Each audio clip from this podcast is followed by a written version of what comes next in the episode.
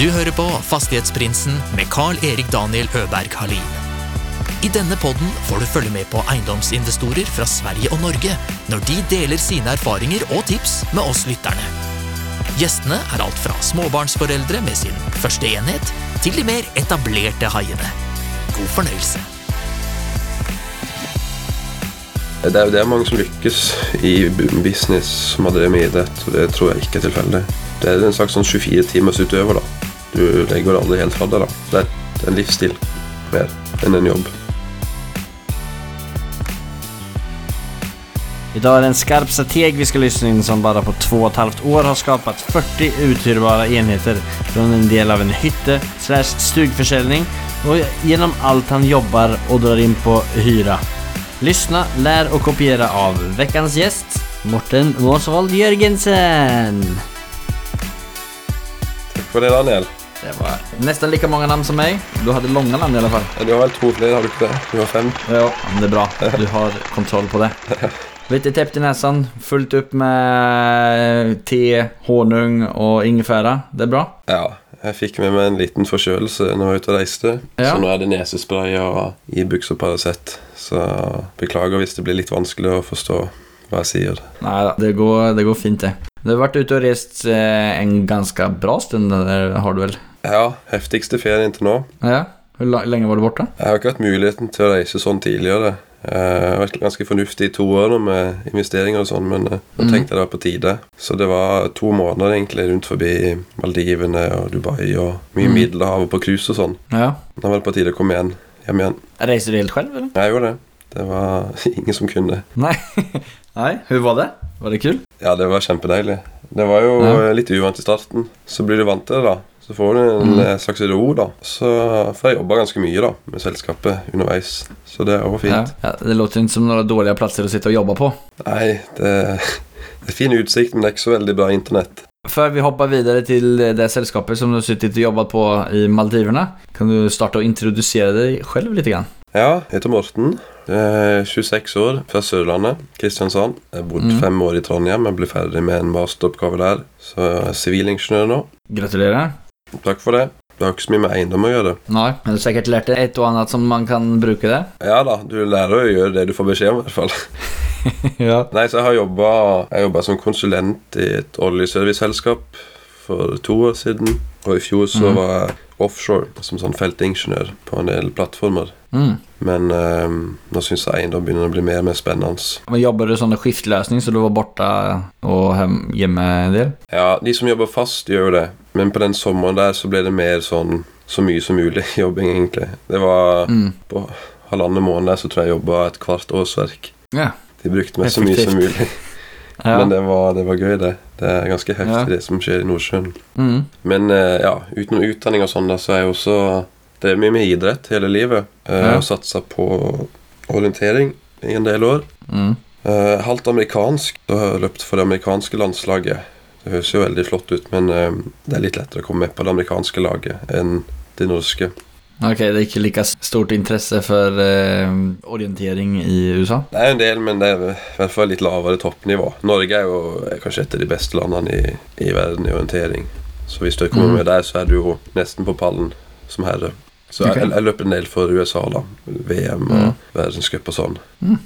Roa litt ned nå siste årene, litt, fått litt skader og sånn. Mm. Så, og så tar det jo tid med å kjøre så hardt på eiendom og studier også. Så det er litt, litt vanskelig å kombinere alt. Mm. Du, en master, Hva er det du har master i? Hva er det man sier? Är det master i sivilingeniør, Eller? Ja, eh, de kaller det produktutvikling og produksjon. Eh, før Mm. så het det maskin, men de bytta navn for å tiltrekke seg flere jenter. Så det er mye konstruksjon og sånne ting, da. Og Mm. de kaller det egentlig en sånn potetingeniør som kan gjøre det meste. Men det må vel være ganske bra å være allsidig. Det, desto, mer erfar eller desto bredere erfarenhet og kunnskap man har, desto mer muligheter tycker jeg man i hvert fall kan se Og gjøre, Alltså Når det handler om eiendom også, så handler det om å ha en bred forståelse. Ja, absolutt. Problemet er at da blir du på en måte ikke slusa inn i ett yrke, da, så du må jo fortsatt Mm. finne ut hva du vil bli etterpå. Ja, men det har du gjort nå i hvert fall, eller? Ja, jeg tror ikke jeg ville Jeg tror ikke den eh, beste måten å begynne med eiendom er å bli sivilingeniør i maskin, men, eh, men eh, du kan ta med deg ganske mye, da. Du blir analytisk og grundig, og ja, du er vant til å få til vanskelige ting, da. Du har jo blitt aktiv på Twitter. Jeg er jo ikke aktiv på Twitter men jeg prøver jo å være synlig av mange ulike grunder på sosiale medier og med denne podkasten. podcasten. er grunnen til at att du starta med Twitter ganske nylig? Og med huvudsak å snakke om eh, eiendom? Ja, jeg har twittet en liten periode tidligere med en sånn eh, anonym konto. Mm. Og fulgt en del eiendomsfolk i Norge og utlandet, USA og sånn. Og så um, har jeg tenkt at det er fint å være anonym og gjemme seg litt og slippe PR og alt sånn. Eh, men det er Mhm. ganske mange av de jeg følger, da, som har gått offentlig, som sier at eh, det har åpna seg mange muligheter. Mm. Og når de investerer offentlig og viser hva de får til, da, så ser folk det. Og så vil de samarbeide med dem. Mm. Og så er det en måte å bli kjent med folk uten å ha møtt dem. Du, Mm. du får jo en inntrykk av hvordan folk er, og jobber med å være med Mm. når du har sett et par hundre tweets fra dem. Ja. Så det var jo egentlig bare det at jeg tenkte ja, ok, det det er nok eiendomstall i Norge og i verden, og om jeg viser hva jeg gjør med, så, så bør ikke det påvirke mitt marked altfor mye. Nei, men så du tenkte egentlig at eh, eh, det promoter deg selv, og forhåpentligvis kan det lede til at du blir kjent med flere folk og kanskje skaffer noen samarbeidspartner etter hvert også? Ja, det hadde vært kult, det. Og så kanskje folk kan, hvis jeg gjør noe feil, så kan de rette på meg før det har fått for mye konsekvenser. Hvis jeg tweeter om det. Og, Ja. ja. Ja. Verkar som ett sunt tankesett. Så i och med det du har, att du har eh, ändå varit professionell idrottsman. Där fokuserar man ganska mycket på mindsetet. Har den hjälpt dig tror du någonting i din raketkarriär inom eiendom? Ja, helt klart. Det har veldig mye å si. Du, du får på en måte en måte å jobbe på, da. Hvor eh, du har ansvar for din egen karriere, og det er veldig viktig å gjøre alt som er mulig for å lykkes. Mm. Og eh, hvis du ikke gjør det, så er det andre som gjør det. Mm. Da blir det bedre enn det. Da får du til mer enn det. Mm. Så det å liksom Jobben er ikke ferdig klokka fire. Du, det er mange detaljer. Og du skal sove bra, du skal spise bra, og du skal, du skal tøye, og du skal snakke med folk som er bedre enn deg, høre hvordan de har trent. og det er, det er mange som lykkes i business som har drevet med idrett, og det tror jeg ikke er tilfeldig. Nei. Det er en slags sånn 24-timersutøver. da Du legger det aldri helt fra deg. da Det er en livsstil mer enn en jobb. Ja, det er det. Det er liksom livsstilen. Det, man klarer ikke å gjøre någonting 24 timer om døgnet som man ikke tykker det er kul. Ja, Når man blir best i verden på orientering så må man jo se det positive de dagene som det er kjekt å trene. absolutt. Og eiendom, det syns jeg er veldig gøy. Ifølge din, eh, ditt Twitterkonto så har du en eh, portfølje med 40 leietagere som du har skaffa deg på to år. Ja. Det er ganske iøynefallende setning. ja. Hvordan startade alt med eiendom for deg? Nei, det var veldig tilfeldig.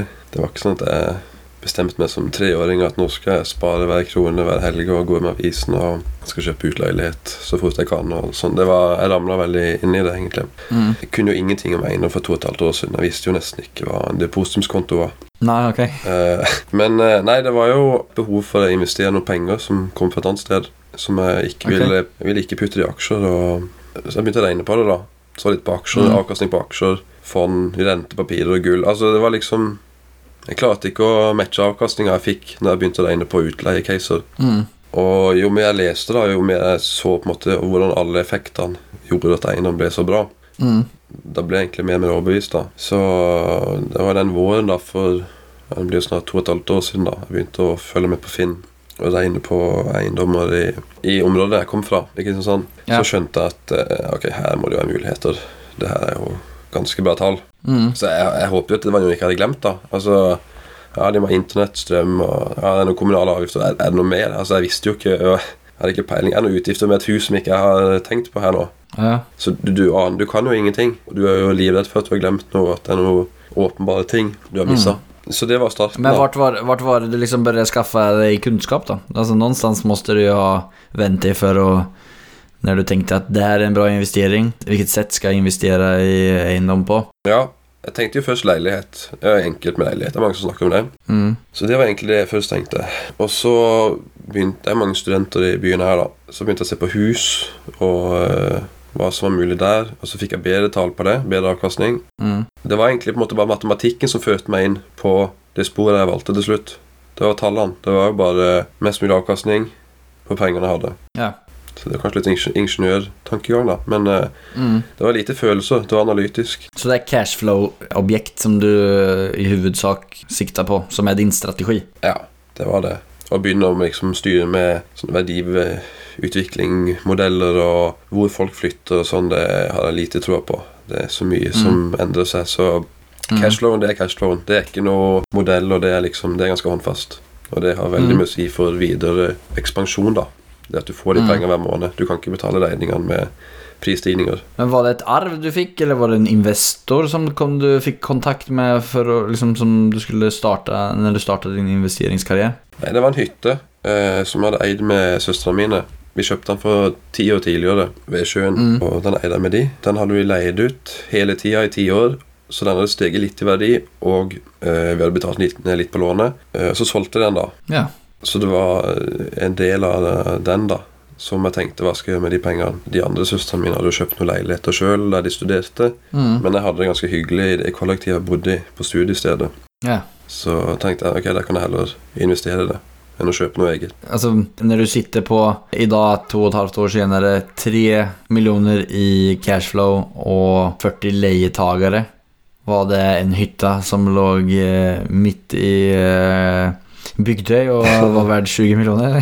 Nei da, det var ikke noe luksushytte i det hele tatt. Det, jeg skal ikke inn på hvor mange kroner det var, men jeg kan si at den egenkapitalen jeg fikk ut der, den har blitt mm. seksdobla eh, på to år. Så det, det, det, det er med det at de pengene har jobba veldig godt i gode utleieobjekter. Ja. Det er en sum som er ganske uoppnåelig etter et par år med sparing, tror jeg, for mange.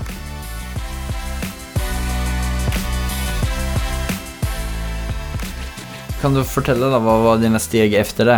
Du fikk ut en eh, summa fra en hytte, og så begynte du å kolla på cashflow-objekter. Ja. Hva var ditt første kjøp efter det? Første kjøpet var en halvdel bolig. Den overtok jeg sommeren for to år siden. Da fikk jeg Så en hel, en hel Thomas-bolig? Eller en halv Nei, en halvdel, ja. ja.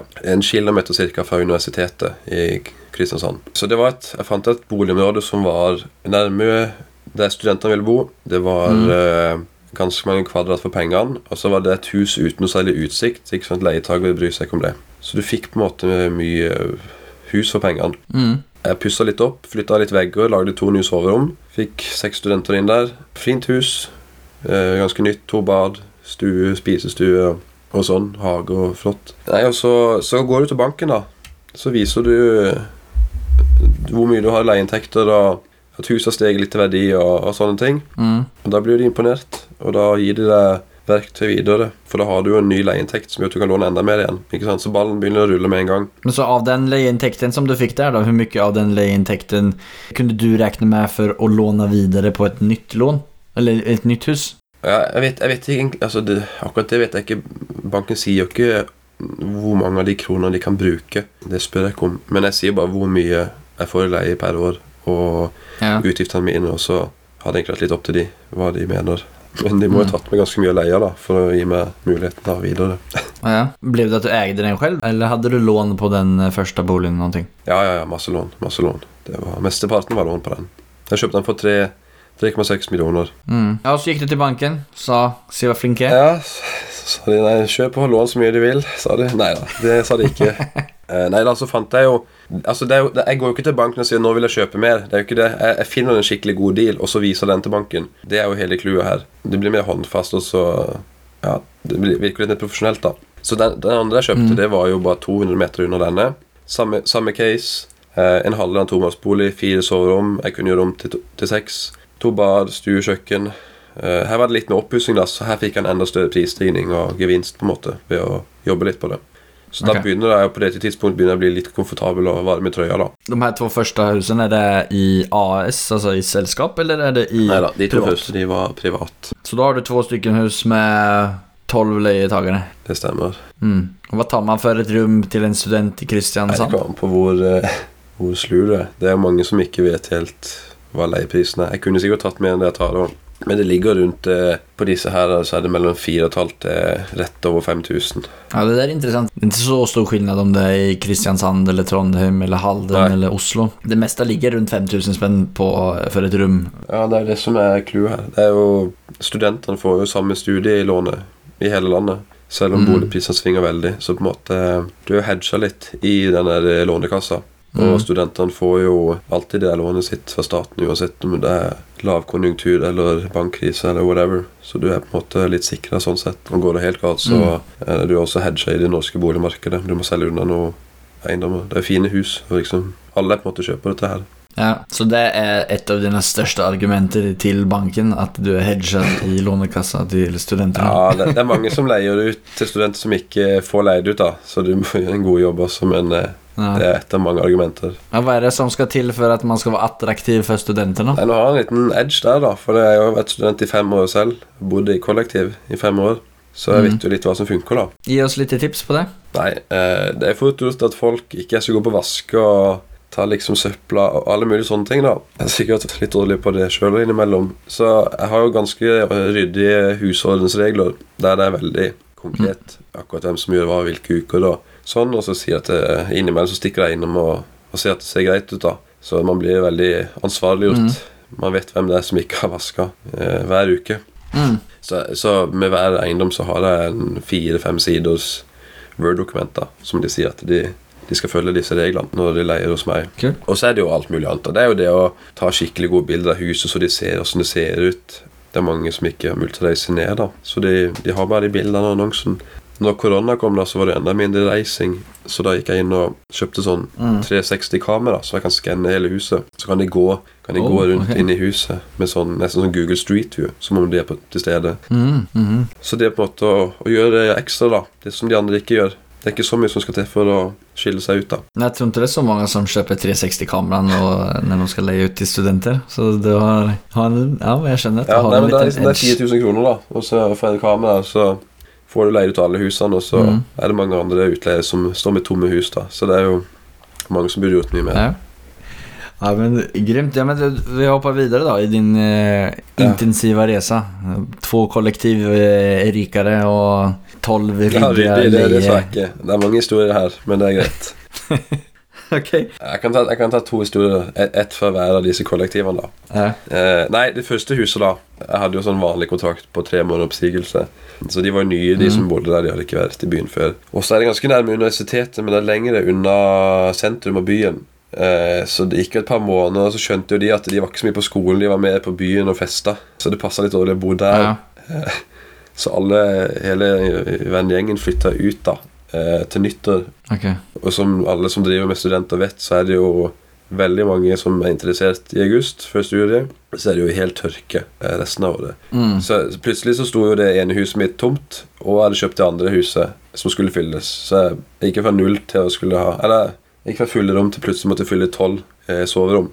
Eh, så jeg mista jo all inntekt. Um, og den andre historien, det andre huset, der har det skjedd litt av hvert. Det var en eh, leietager, han kom på visning med kjæresten og virka veldig hyggelig. Mm. Men etter et par uker eller måneder så begynte det å forsvinne bestikk og tallerkener og sånt på kjøkkenet. Så de sa det, da. Ja, vi, vi har ikke så mye utstyr her, da. Eller jeg er jo fullt, fullt møblert. Ok, Vi ante jo ikke hva som kanskje var knust eller kasta, så jeg kjøpte jo mer da på Ikea.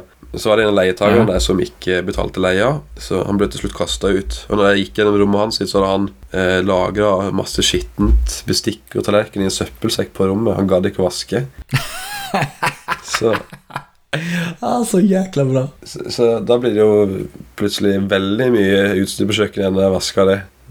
Han skylder meg fortsatt noe penger faktisk i leie. Og Ja, Da får du skicka den här till honom och påminna honom om det. Ja, men jag får bara fråga, när du, när du stod där med 12 leietagere ja, som du skulle fylla upp, gjorde du några speciella tricks då eftersom att det var... ja. ja. Eh, 90 Det ble fylt opp, eh, men du klarer ikke å få full pris da. Eh, Så det jeg gjorde da Jeg måtte gå an en tusenlapp kanskje på hvert soverom. Så ga de rabatt av Mm. det halve, og da var det Mm. fylt opp. Så det er du må bare gjøre det som kreves, og du må bare svelge stoltheten. Og tomme sover om det er Mm. veldig dumt. Det må du unngå for all, all pris. Mm. Ja, men videre, da. Du, du hadde to två kollektiv og du er ikke inte förnöjd. Du har fylt upp dem. Nei, det er jo liksom 90% av jobben er jo pusse det opp og møblere og sånn, og så er du ferdig, og så, så har du ikke noe å gjøre. da Så klør det i fingrene. Nei. Så, ja, og så har du jo en cashflow og en, og en ny verdivurdering da når du pusser opp, så, så går det jo litt tid, og så kjøper du mer. Så det har gått slag i slag, da. Eh, blir jo etter hvert pressa over å lage selskap. Du kan bare eie fire enheter privat uten at det blir næringsinntekt. Så det ble det tredje, ditt tredje kjøp ble i selskap? Nei da, jeg hadde mer kjøp eh, privat, da. Og da, da kjøpte jeg en leilighet. Den var da, da, Det var skikkelig oppussing. Det tok vi alt. Kjøpte for 1,7 millioner på den og brukte 800 000 og fikk en verdivring på 3,1 millioner. Så den var kanskje beste Mm. kjøp til nå. Men etter det så gikk jeg over i selskap, da. Og da er det jo helt andre spill spilleregler. Altså, du Ja. følger jo ikke bolig boliglånsforskriften lenger i selskap. Det er jo viktig at banken tror på deg og, og sånn, da, enn Mm. eh, akkurat de tallene. Så der åpner det seg muligheter. Du kan låne mer. Du kan låne fem ganger inntekter privat, og gjerne ti ganger, eller kanskje mer, da, i selskap.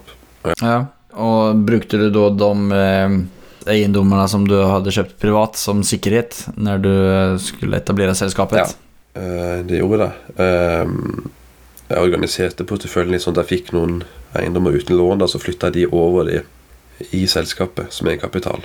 Så jeg lånte egentlig alt, da. Eh, og så tar du den eiendommen inn, og så har du en kapital i den, og så har du cashflow i den òg. Mm. Så du flyttet over noen av dem du eide privat inn i selskapet som eh, sikkerhet? Stemmer. Og som kapital, da. Mm. Det er nok kostnader forbundet med det, men det var det verdt. Ja eh, Du har den dokumentavgiften, da, men eh, Mm. tanken var jo at vi skulle gjøre det i en periode da, frem til man fikk bygd opp kapitalen i selskapet. Så Ja. vi, vi, vi tok ikke og skjøta det over. eh, tok den der dokumentavgiftsmellen. Eh, vi klarte å unngå det, da. Ok, Så Hvordan gjorde man det? nei, du bruker jo en sånn eh, blankoskjøte eller fullmakt, originalfullmakt, sånn at på en måte Juridisk sett så, så har banken et balletak på deg uansett hvis det går galt. Da tvangs, tvangsselger de Ja. leiligheten din og dekker sine utgifter. Men eh, de foretrekker jo ikke å gjøre det sånn, egentlig. Nei. Så du må jo ha en grunn til det. Skal du ha det der mer enn et år, så vil de helst skjøte det over. Ja, ok. Men hvordan klarer man å argumentere seg til det der? For det der har jeg sett noen diskusjoner til eh, på ulike forum eh, der det ikke helt vært lett å få med seg en bank Nei. på det. Nei, det er jo ikke Det er mye som ikke er lett, som man må gjøre. Mm. Nei, Du må ha godt forhold til banken, og så må du kanskje si det at den du putter inn i selskapet, vurderer du å selge, kanskje, da, innen et år. Eh, så det å ta en dobbel avgift på den nå er ikke så lurt. Mm, så kanskje kanskje går et år, så Mm. sier ja, kanskje ikke vi skal sende likevel. Det er en ganske bra leilighet. Det må være litt lur. Ja, ja men det, det er et bra tips. Jeg tror det er mange som har lurt på det. Man start, det er mange som starter privat. Og ser, eller blir biten på det og, vil, eh, og ser at man må hoppe videre inn til AS. Ja. Men så har man all eh, cash privat. Og det har vært litt svårt. Så det er bra, eh, bra tips. Takk for det. Men da fikk du med deg banken i alle fall på, på den eh, blanko skjøtet, så at du fikk anvende det i, som sikkerhet Ja. i det selskapet i dag. Hvor mange eiendommer er det du sitter med det? I selskapet nå så har jeg syv enheter. Eh, og privat så har jeg Mhm. tre enheter. Og totalt så er det 40 leietakere. Og så er det her hyttepengene som du har eh, fått fram til det. Ja, det er jo det. Og så er det jo alle mulige inntekter fra, fra Ja. jobb og, ja, Mm. og, og leieinntekter går bare rett inn igjen i nye investeringer Mm. Du reinvesterer alt som du jobber privat, alle leieinntekter og hyttepengene. Ja. Alt går inn igjen. det er reseptet. alt er låst opp nå i, i eiendommene, Mm. jeg har jo ikke noe ja, ung singelgutt uten for mye forpliktelser, så det går ikke så mye penger på meg sjøl heller. Jækligt eh, bra jobbat, måste jeg si. Veldig imponerende. Jo, takk. Vad gör du vidare? Eller vad är planen vidare då? Alltså nu har du tagit en eh, racerkarriär inom eh, eiendomsinvestering. Vart på en liten eh, flott paus, lät det som, i Maldiverna och Dubai. Kom tillbaka nu med en liten förkylning. Ja. Nei, jeg har jo ikke hatt noen sånn langsiktig plan da, foreløpig. Nej. Gjør det som er gøy hele tida. Men eh, Nei, det er jo liksom Det er, det er kult med eiendom og kollektiv, men eh, etter hvert så blir det ikke så utfordrende lenger å kjøpe et nytt kollektiv når jeg må kjøpe en liter melk i butikken. Så det er liksom ikke så spennende. Så Mm. eh, må vel finne noen nye utfordringer, da. Kan være det blir noe jobb innen eiendom. Vi får se. Men går dine kollektiver eh, av seg selv? Altså, har du noen annen som jobber med dem? Eller er det fortsatt du som, som i så fall skal administrere det på sidan av et vanlig jobb? Jeg gjør alt selv. Det Mm. går egentlig ganske greit. Jeg har mange systemer og tekniske løsninger for Mm. å gjøre det så enkelt som mulig. Det er jo mange eiendomsinvestorer da som er litt eldre, som ikke bruker alle verktøyene som finnes. Mm. Så jeg skiller meg nok litt ut på det. Jeg har jo Alle eiendommer bruker jo kodelåser som er kobla på nettet. Så det første jeg gjør når jeg kjøper eiendom, er jo å, å putte inn den kodelåsen, og så kan jeg administrere det over nettet fra hvor som helst. da. Så skal Mm. håndverker inn og jobbe, eller flytter inn leietakere, eller, eller flytter de ut og kommer ny inn, så bare endrer jeg kodene, og så tar de bilder av rommet sitt for å vise at det ser bra ut. og Går det noe galt med vaskemaskinen, så finner jeg en elektrikerbutikk som kan levere og installere og ta med den gamle. Og så. så jeg har jo vært på reise i to måneder nå, Mm. og det har gått helt fint. Og ikke vært i byen. Mm. I forbindelse med lanseringen av din episode så, får vi, så legger vi upp eh, en liten punktlista på alle dine sån, systemhacks. systemhacks.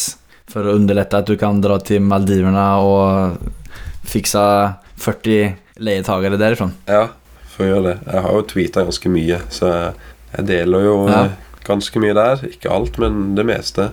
Hva heter du på Twitter da? Så alle som vil følge deg? Jeg heter Morten Mossel Jørgensen. Jeg bruker eh, mitt fulle navn. Så det skal være lett å finne med. Da lenker vi til det også i beskrivningen sin. Supert. Nei, men hva er det for type av jobb som du tenker at du skal hoppe på framover? Det jeg har, sø jeg har søkt på litt Jeg skal ikke avsløre for mye, da. Det er ikke noe som er sikkert ennå. Men jeg har Mm. hatt en litt jobbintervju da, for sånne forvaltning av litt større porteføljer da, med næring og sånn. Så får vi se. Hva er din plan med, det, med å ta en anstilling? Nei, det er jo eh, det er veldig kapitalintensivt med stor næring, da, så det ville jo vært ganske langt fram i tid i så fall. Det er jo noe spennende ved det. Det er store verdier, og det er mye ansvar. Ja. Så um, det er noe jeg tror jeg kommer til å like og kanskje få til òg. Mm. Det er jo ikke så veldig relevant for utdanninga mi. Så.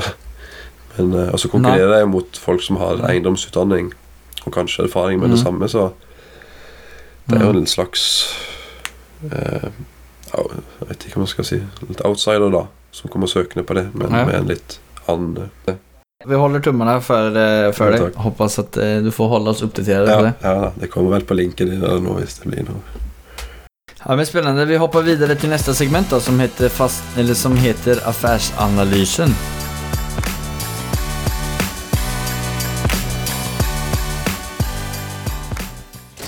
It has not been easy for me. And, you know, I, I started off in Brooklyn. My father gave me a small loan of a million dollars.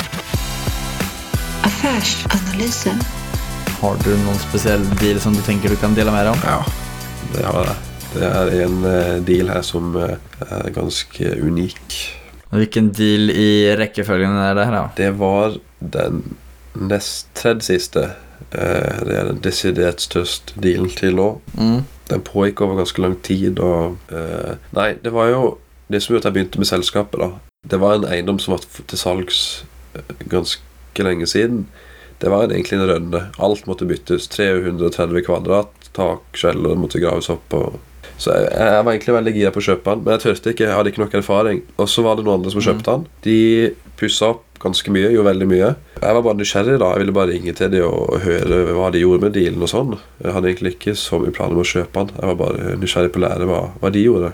De var ganske Mm. erfarne eiendomsutviklere. Og så ja, da, så fikk de leid ut og, og sånn, og, og så prata litt med banken om det var noen muligheter her. Det var det. Så vi, kom jo en, vi ble enige om å kjøpe den for 10,8 millioner. Mm. Jeg lånte 10 millioner. Jeg fikk, jeg fikk kjøpekreditt av selger. Det vil si at jeg hadde lån i tillegg til selger Mm. på 750 000. Mm. Så jeg betalte bare dokumentavgiften og 100 000 eller noe sånt. Okay. Og det var mulig da, fordi jeg putta den eiendommen inn i selskapet som kapital. Ikke sant? Så ja. Ja. Eh, så pussa jeg opp sjøl for egen regning. Men, men det gjorde jeg økte leieinntekten på den fra 800 000 til litt over 1,1 million. Mm. Jeg gikk fra 15 til 17 leietagere. Det var fire etasjer, fire enheter da. 555 pluss 2. Mm. Økte standarden en del. Møblerte hele huset. 17 soverom. Fikk jo seng, skap, pult og stol, så det var nesten senebetennelse på slutten der på sommeren. Ja. Det er jo ikke noe. Nei da, så jeg putta ganske mye penger inn i det og, og økte cashflowen veldig. Så fikk jo en verdivurdering på 13,85 millioner. Så den økte jo 3 mm. millioner i verdi da på uh, noen måneder. Hvor mye penger hadde du stappet inn i det? da? I oppussing så var det kanskje 750 000, da. Så drøye to millioner mm. var på en måte profitt, da. Det er fortsatt litt som gjenstår på det huset, så jeg, jeg tror kanskje jeg kan få den opp på 15 eller noe sånt. Så det, er, det var så prima beliggenhet som du kan få det. Det var midt mellom sentrum og, og universitetet. Og veldig lave utgifter, for det er jo liksom ett tak og en internettilkobling og alt sånt. Så den der, den er, den er helt vill.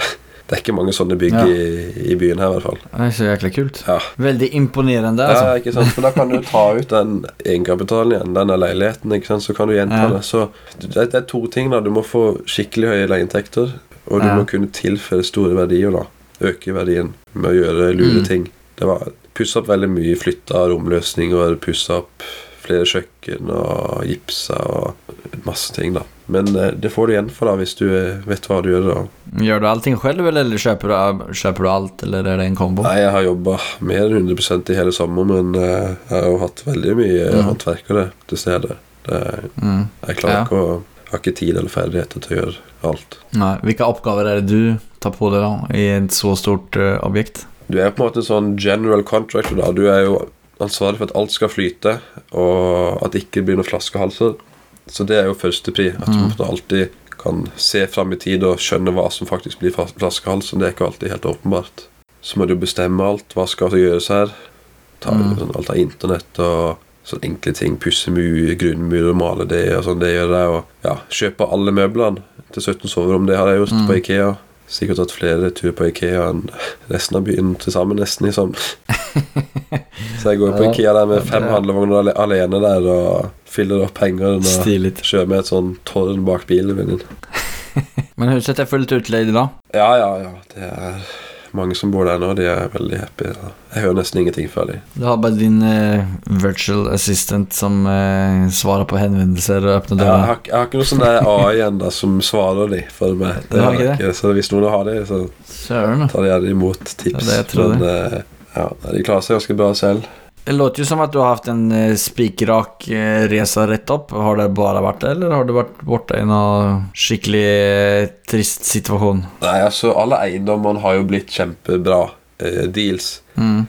Men eh, det høres jo litt ut som en sånn eventyr. Men, men det er jo vanvittig mange problemer som løses på veien. Og du får veldig mye motgang.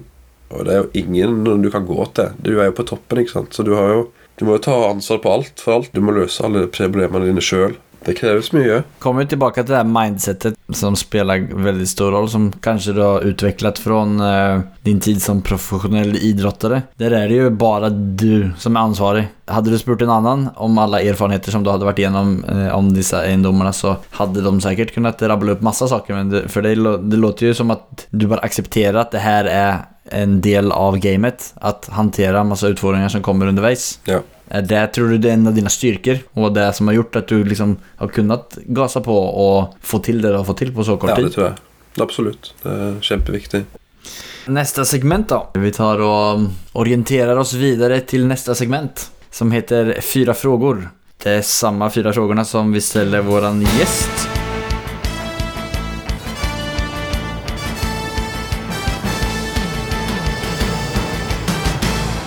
Cuatro preguntas. Den første frågan er Vad är det som skiljer från en framgångsrik entreprenör mot de som inte lyckas, slutar eller aldrig kommer igång?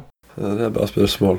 Tusen takk. Jeg har hørt på ganske mange av de podkastene dine. Det er mye flinke folk som er med. Jeg, sy- Ja, jeg jo De sier jo som regel noe forskjellig alle sammen, men alt er like viktig. Du må liksom ikke se begrensninger, kanskje, da. Du må ikke ta et nei for et nei. For det, hvis du, du får så mye nei og motgang, så du Det er på en måte ha litt tro på seg selv, da, og får du nei fra en bank, eller er det tomt håndverker i byen, så må du bare grinde på, da. Det er veldig mentalt, det der. Eh, Så kanskje det mentale. Du må ikke se begrensninger. Ja, kul at du sier det. Hadde, det var faktisk et spørsmål som jeg ikke har eh, fått klemma inn en, så det var fint at den ledde opp til det. For det er så her, når du blir... Altså, du, du jo deg på et sett som eiendomsinvestor eh, du titulerer deg på et sett som... Under tiden som du var idrettsmann, så var du professionell idrettsmann. Når er det man blir det? Forstår du mitt spørsmål? Altså, når er det du blir det? Altså, Nå sitter jeg her i, i starten av å bli eiendomsinvestor. Jeg har store mål, jeg ønsker å komme dit. Jeg saknar penger, jeg saknar kanskje Jeg, jeg jaktar kunskap, jeg saknar eh, nettverk Jeg savner masse saknar Jeg har och tänkt på det spørsmålet ganske mye selv. det er derfor. Altså, tror du at det sitter... Alltså när jag sitter här och inte har alla bitarna på plats men jag bestämmer mig i huvudet att jag är det. För det, blir, det handlar ju om att liksom, du beter dig som att du är det. Och så, när går gränsen? Alltså är det när jag köper mitt först, min första eh, utlejeobjekt? Är jag en in- egendomsinvestor då? Eller är det dagen före? Alltså är det en sån magisk gräns eller sitter allt i huvudet? Ja, nei, hvis du, har, hvis du eier en leilighet som du leier ut, da tror jeg du kan kalle deg en investor. Hvis det hjelper på, på, en måte, på å stille om og, og det mentale, altså kjør på. Jeg tror det. Ja. Ja, nei, men jeg, vet ikke om jeg fikk formulert meg på bra sett, men det, det är liksom, var inne på det her med mindset og det mentale. liksom. Eh, för att du skal klare av å bli profesjonell idrettsmann, ja. så må du legge ned ner ja. veldig mye tid. Du må spise bra, du må sove, Du må, du må nok bli profesjonell utover lenge før du ser resultatene. Så egentlig så kommer allting tilbake til hva du bestemmer deg for, og du bestemmer deg for at nå er jag egendomsinvestor även fast jag äger inte ett hus eller jag äger inte en lägenhet. Och så bara kjører Ja, man på. ja, du blir jo ikke med et uhell. Altså sånn, eh, du må jo gjøre de tingene eh, som kreves for å bli profesjonell eiendomsinvestor lenge før du faktisk blir det. Du ser kanskje ikke resultatene med en gang, da. Mm. Jag tippar ju att både Ronaldo och Zlatan eh, som har självförtroende från eh, en annan planet. De var ju eh, världsstjärnor eh, när de föddes. Ja. Alltså när de satte på sig sin, eh, sina skor så har ju de spelat fotboll för att de är bäst i hela världen. De har ju vetat om det hela tiden. Ja, det er nok noe arv også, ikke bare miljø på de gutta der. ja, jeg tror det. Ja, ja. Försöker bara argumentera mig fram, fram til at jeg skal være eh, något jag inte är. Alright, vi hopper videre til neste spørsmål. Om du hadde ubegrenset med pengar og fikk kjøpe hvilken eiendom som helst i hele verden, hvilken hadde det vært da? Jeg er jo fra Kristiansand, da. Den største Mhm. turistattraksjonen her er jo Dyreparken. Så kanskje jeg hadde kjøpt den. Ah, stilig. Den er bra. Ja, Ja. Dyreparken er kul. Bare gå omkring og være litt pirat. Tredje spørsmål. har du noen bra boktips då? För de som er egendomsintresserade. Ja, jeg var litt redd for det spørsmålet her, fordi eh, alle som har vært på podkasten før, har jo hatt mye bra bøker om eiendom og økonomi. Men jeg, har faktisk ikke lest noen bøker om økonomi eller eiendom, eller kjøpt noen kurs eller sånne ting. Men jeg har jo hørt på mye podcasts, sett mye sånne YouTube-kanaler om eiendom, Mm. Twitter. Um, nei, men jeg tror altså Du har jo de som leser om det, og så har du de som gjør det. Og det å, å lese om en ting, det, er- jeg tror det er bra, men det er kanskje fem ganger så bedre å erfare det og gjøre det selv og lære på den måten. Det er litt som å sitte og, og høre på matematikk, og så er det å regne på matte. Du lærer litt, men det kan ikke erstattes, da. Nei. Så alt, det meste jeg kan, har kommet fra et behov, ikke fra et ønske om å lære. Og alle går rundt med en mobil i lomma og har tilgang til hele verden. på en måte. Så hvis det dukker opp problemer, så må du bare researche det på veien. da. Google veldig mye underveis. Snakke med folk. Det å være flink til å snakke med folk som kan mer enn deg, og få de til å dele med deg uten at det blir plagsomt. Mm. Jeg deler gjerne jeg også, da. Med folk som faktisk vil lære. Og hvis de i tillegg viser at de hørte på det jeg sa, så er det jo veldig motiverende å fortelle. Nei, men det var annorlunda og bra tips. Det liker jeg. Det er jo ikke alle som tycker om å lese bok. Och det, kombinationssvaret är väl egentligen eh, just go out and do it. Ja. og finn den informasjonen der du best kan finna den. Jeg tror det er mange som måtte måte ønsker å lære alt og få sett i hele bildet. Eh, og det funker nok på skolen. Da sitter du med all informasjon, da. Men eh, verden er altfor komplekst for det, så du må kunne ta gode beslutninger da, uten å sitte med alle svarene. Mm. på en måte klare å generalisere, da. Det låter som at det er en bra overgang til eh, i eh, mars så kommer Morten Mosholz Jørgensens nye bok. Det er jo ikke helt sant. Jeg tuller litt med det, men hvis du må selge bok for å tjene penger på eiendom, så tjener du ikke nok på eiendom. Nei da. Det er mange gode bøker der ute sikkert. Hoppa vidare till fj- fjärde frågan där innan eh, när det bankar på din dörr. Ja. Nämn det mest storartade, morsamma, minnesvärda sättet som du firat en genomförd affär på. Ja, jeg vet ikke. Jeg er ikke sånn en veldig feiremenneske, egentlig. Jeg har ikke feiret så mye underveis. Um, Mm. en kompis sa til meg en gang at postmannen feirer ikke hver pakke han leverer. Nei da. Nei, men eh, jeg, jeg, jeg dro jo på en ferie nå, da. To måneder. Så det var jo kanskje Jeg kan kalle det en ferie. Ja, ja, men det kan man vel virkelig si. Den uh, så jo helt magisk ut. Så det kan man vel si at det var en fin klapp på aksjen, Bra jobbat. eh. Ja. Så blir man lei etter tre dager, så må man begynne å jobbe igjen og løse problemene. Så Nei, det var, det var litt sånn. Ja, men det er bra at man trivs med det man ja, gjør, da. ja, ja. Så et siste tips til alle nye investerere. Ja, Jeg tror veldig ofte så er nok det største hinderet deg selv, og kanskje de rundt deg. da Hvis du tar imot vanlig, hører på vanlige råd, så får du vanlige resultater. Nei, du, du må liksom På et eller annet tidspunkt så må du bare komme i gang, da. Og ikke finner på flere unnskyldninger. Da. Det er ikke alltid så lett å på en måte se kanskje hva en unnskyldning er, da, men kanskje du tenker at Nei. jeg må, jeg må få gjort ferdig den tingen der først, før jeg kan begynne. Og, ja, neste høst da er det litt roligere, da har jeg bedre tid. Du har som regel alltid tid, og du må ville det. Og så er du, du er nødt til å finne skikkelig gode deals. Det er clouet, altså. Ok, men hvordan finner du supergode deals da? Du må kjenne markedet veldig godt. Mm. Jeg satt jo på Finn hele dagen den våren der og bare Jeg leste ikke bøker. Eller jeg regnet på alle eiendommene som ble lagt ut til salgs, og så hva kunne få leieinntekt. Mm. Og etter en stund så blir det en slags sånn sjette sans, da. Og gjenkjenne gode deals. Men det er ikke så mange av de. Du kan alltid kjøpe en eiendom og leie den ut, men hvis du skal ha en eh, portefølje som vokser fort, så er det kanskje en av 100 eller 200 eiendommer du kan kjøpe for at det skal være mulig. Mm. Du må treffe ganske mange kriterier. Det, det er veldig viktig. Å finne de dealsene. Ja, det har du jo onekligen vært veldig bra på. Ja. Raske raska som du har gjort. Er det noen spesiell person eller selskap som du gjerne skulle ville jobbe med eller komme i kontakt med? Jeg tror eh, hvis det er noe som er meant to be, så, så kommer det kanskje av seg selv. Det måtte jo være eh, å få en jobb der man har de verktøyene, det å gjøre litt store ting, da, der du kan skape store verdier og få litt ansvar. Noe Ja, det hoppas jeg virkelig at du eh, får muligheten til, for det kommer du garantert eh, hantera og briljere i. Håper Det er sikker på. Ja, nei, men Det blir spennende å følge med på om det er den veien du går. Uansett får du ha superlykke til. Og så lenker vi til Twitter og alle andre eh, sett som man kan komme i kontakt med Morten på i beskrivningen. Superkul å få snakke med deg, Morten, må jeg si. Jo, takk skal du ha, Daniel. Det var hyggelig å bli invitert. Det er mange andre flinke folk som er på denne podkasten, så det er ikke noe selvfølge. En ære for meg å få snakke med både deg og alle andre som jeg har fått snakke med hittil, og skal få snakke med. For det er veldig lærerikt å få pick brains på folk som har fått til masse spennende Ja, greier. takk, Daniel. Det var hyggelig å være her. Men nå skal jeg ikke støre deg mer. Du får eh, fortsette å drikke din eh, gigantiske kopp te og eh, kurere deg. Så hoppas at vi snakkes snart igjen. Satser på det. Takk for det. Mäktig resa ifra Morten. Det blir grymt spennende å følge med på denne mannen framover. Det jeg tar med meg mest er hans sett å se, håndtere og reagere på saker. Det er en del saker som ikke alltid går som det skal. Mortens mindset påminner meg om hvor viktig det er å jobbe på hur man reagerer på tuffa hendelser. Vi håller tummarna for Mortens framtida jobbsökningar.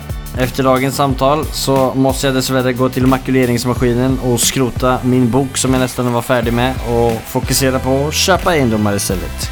Snackily snookies ha yeah!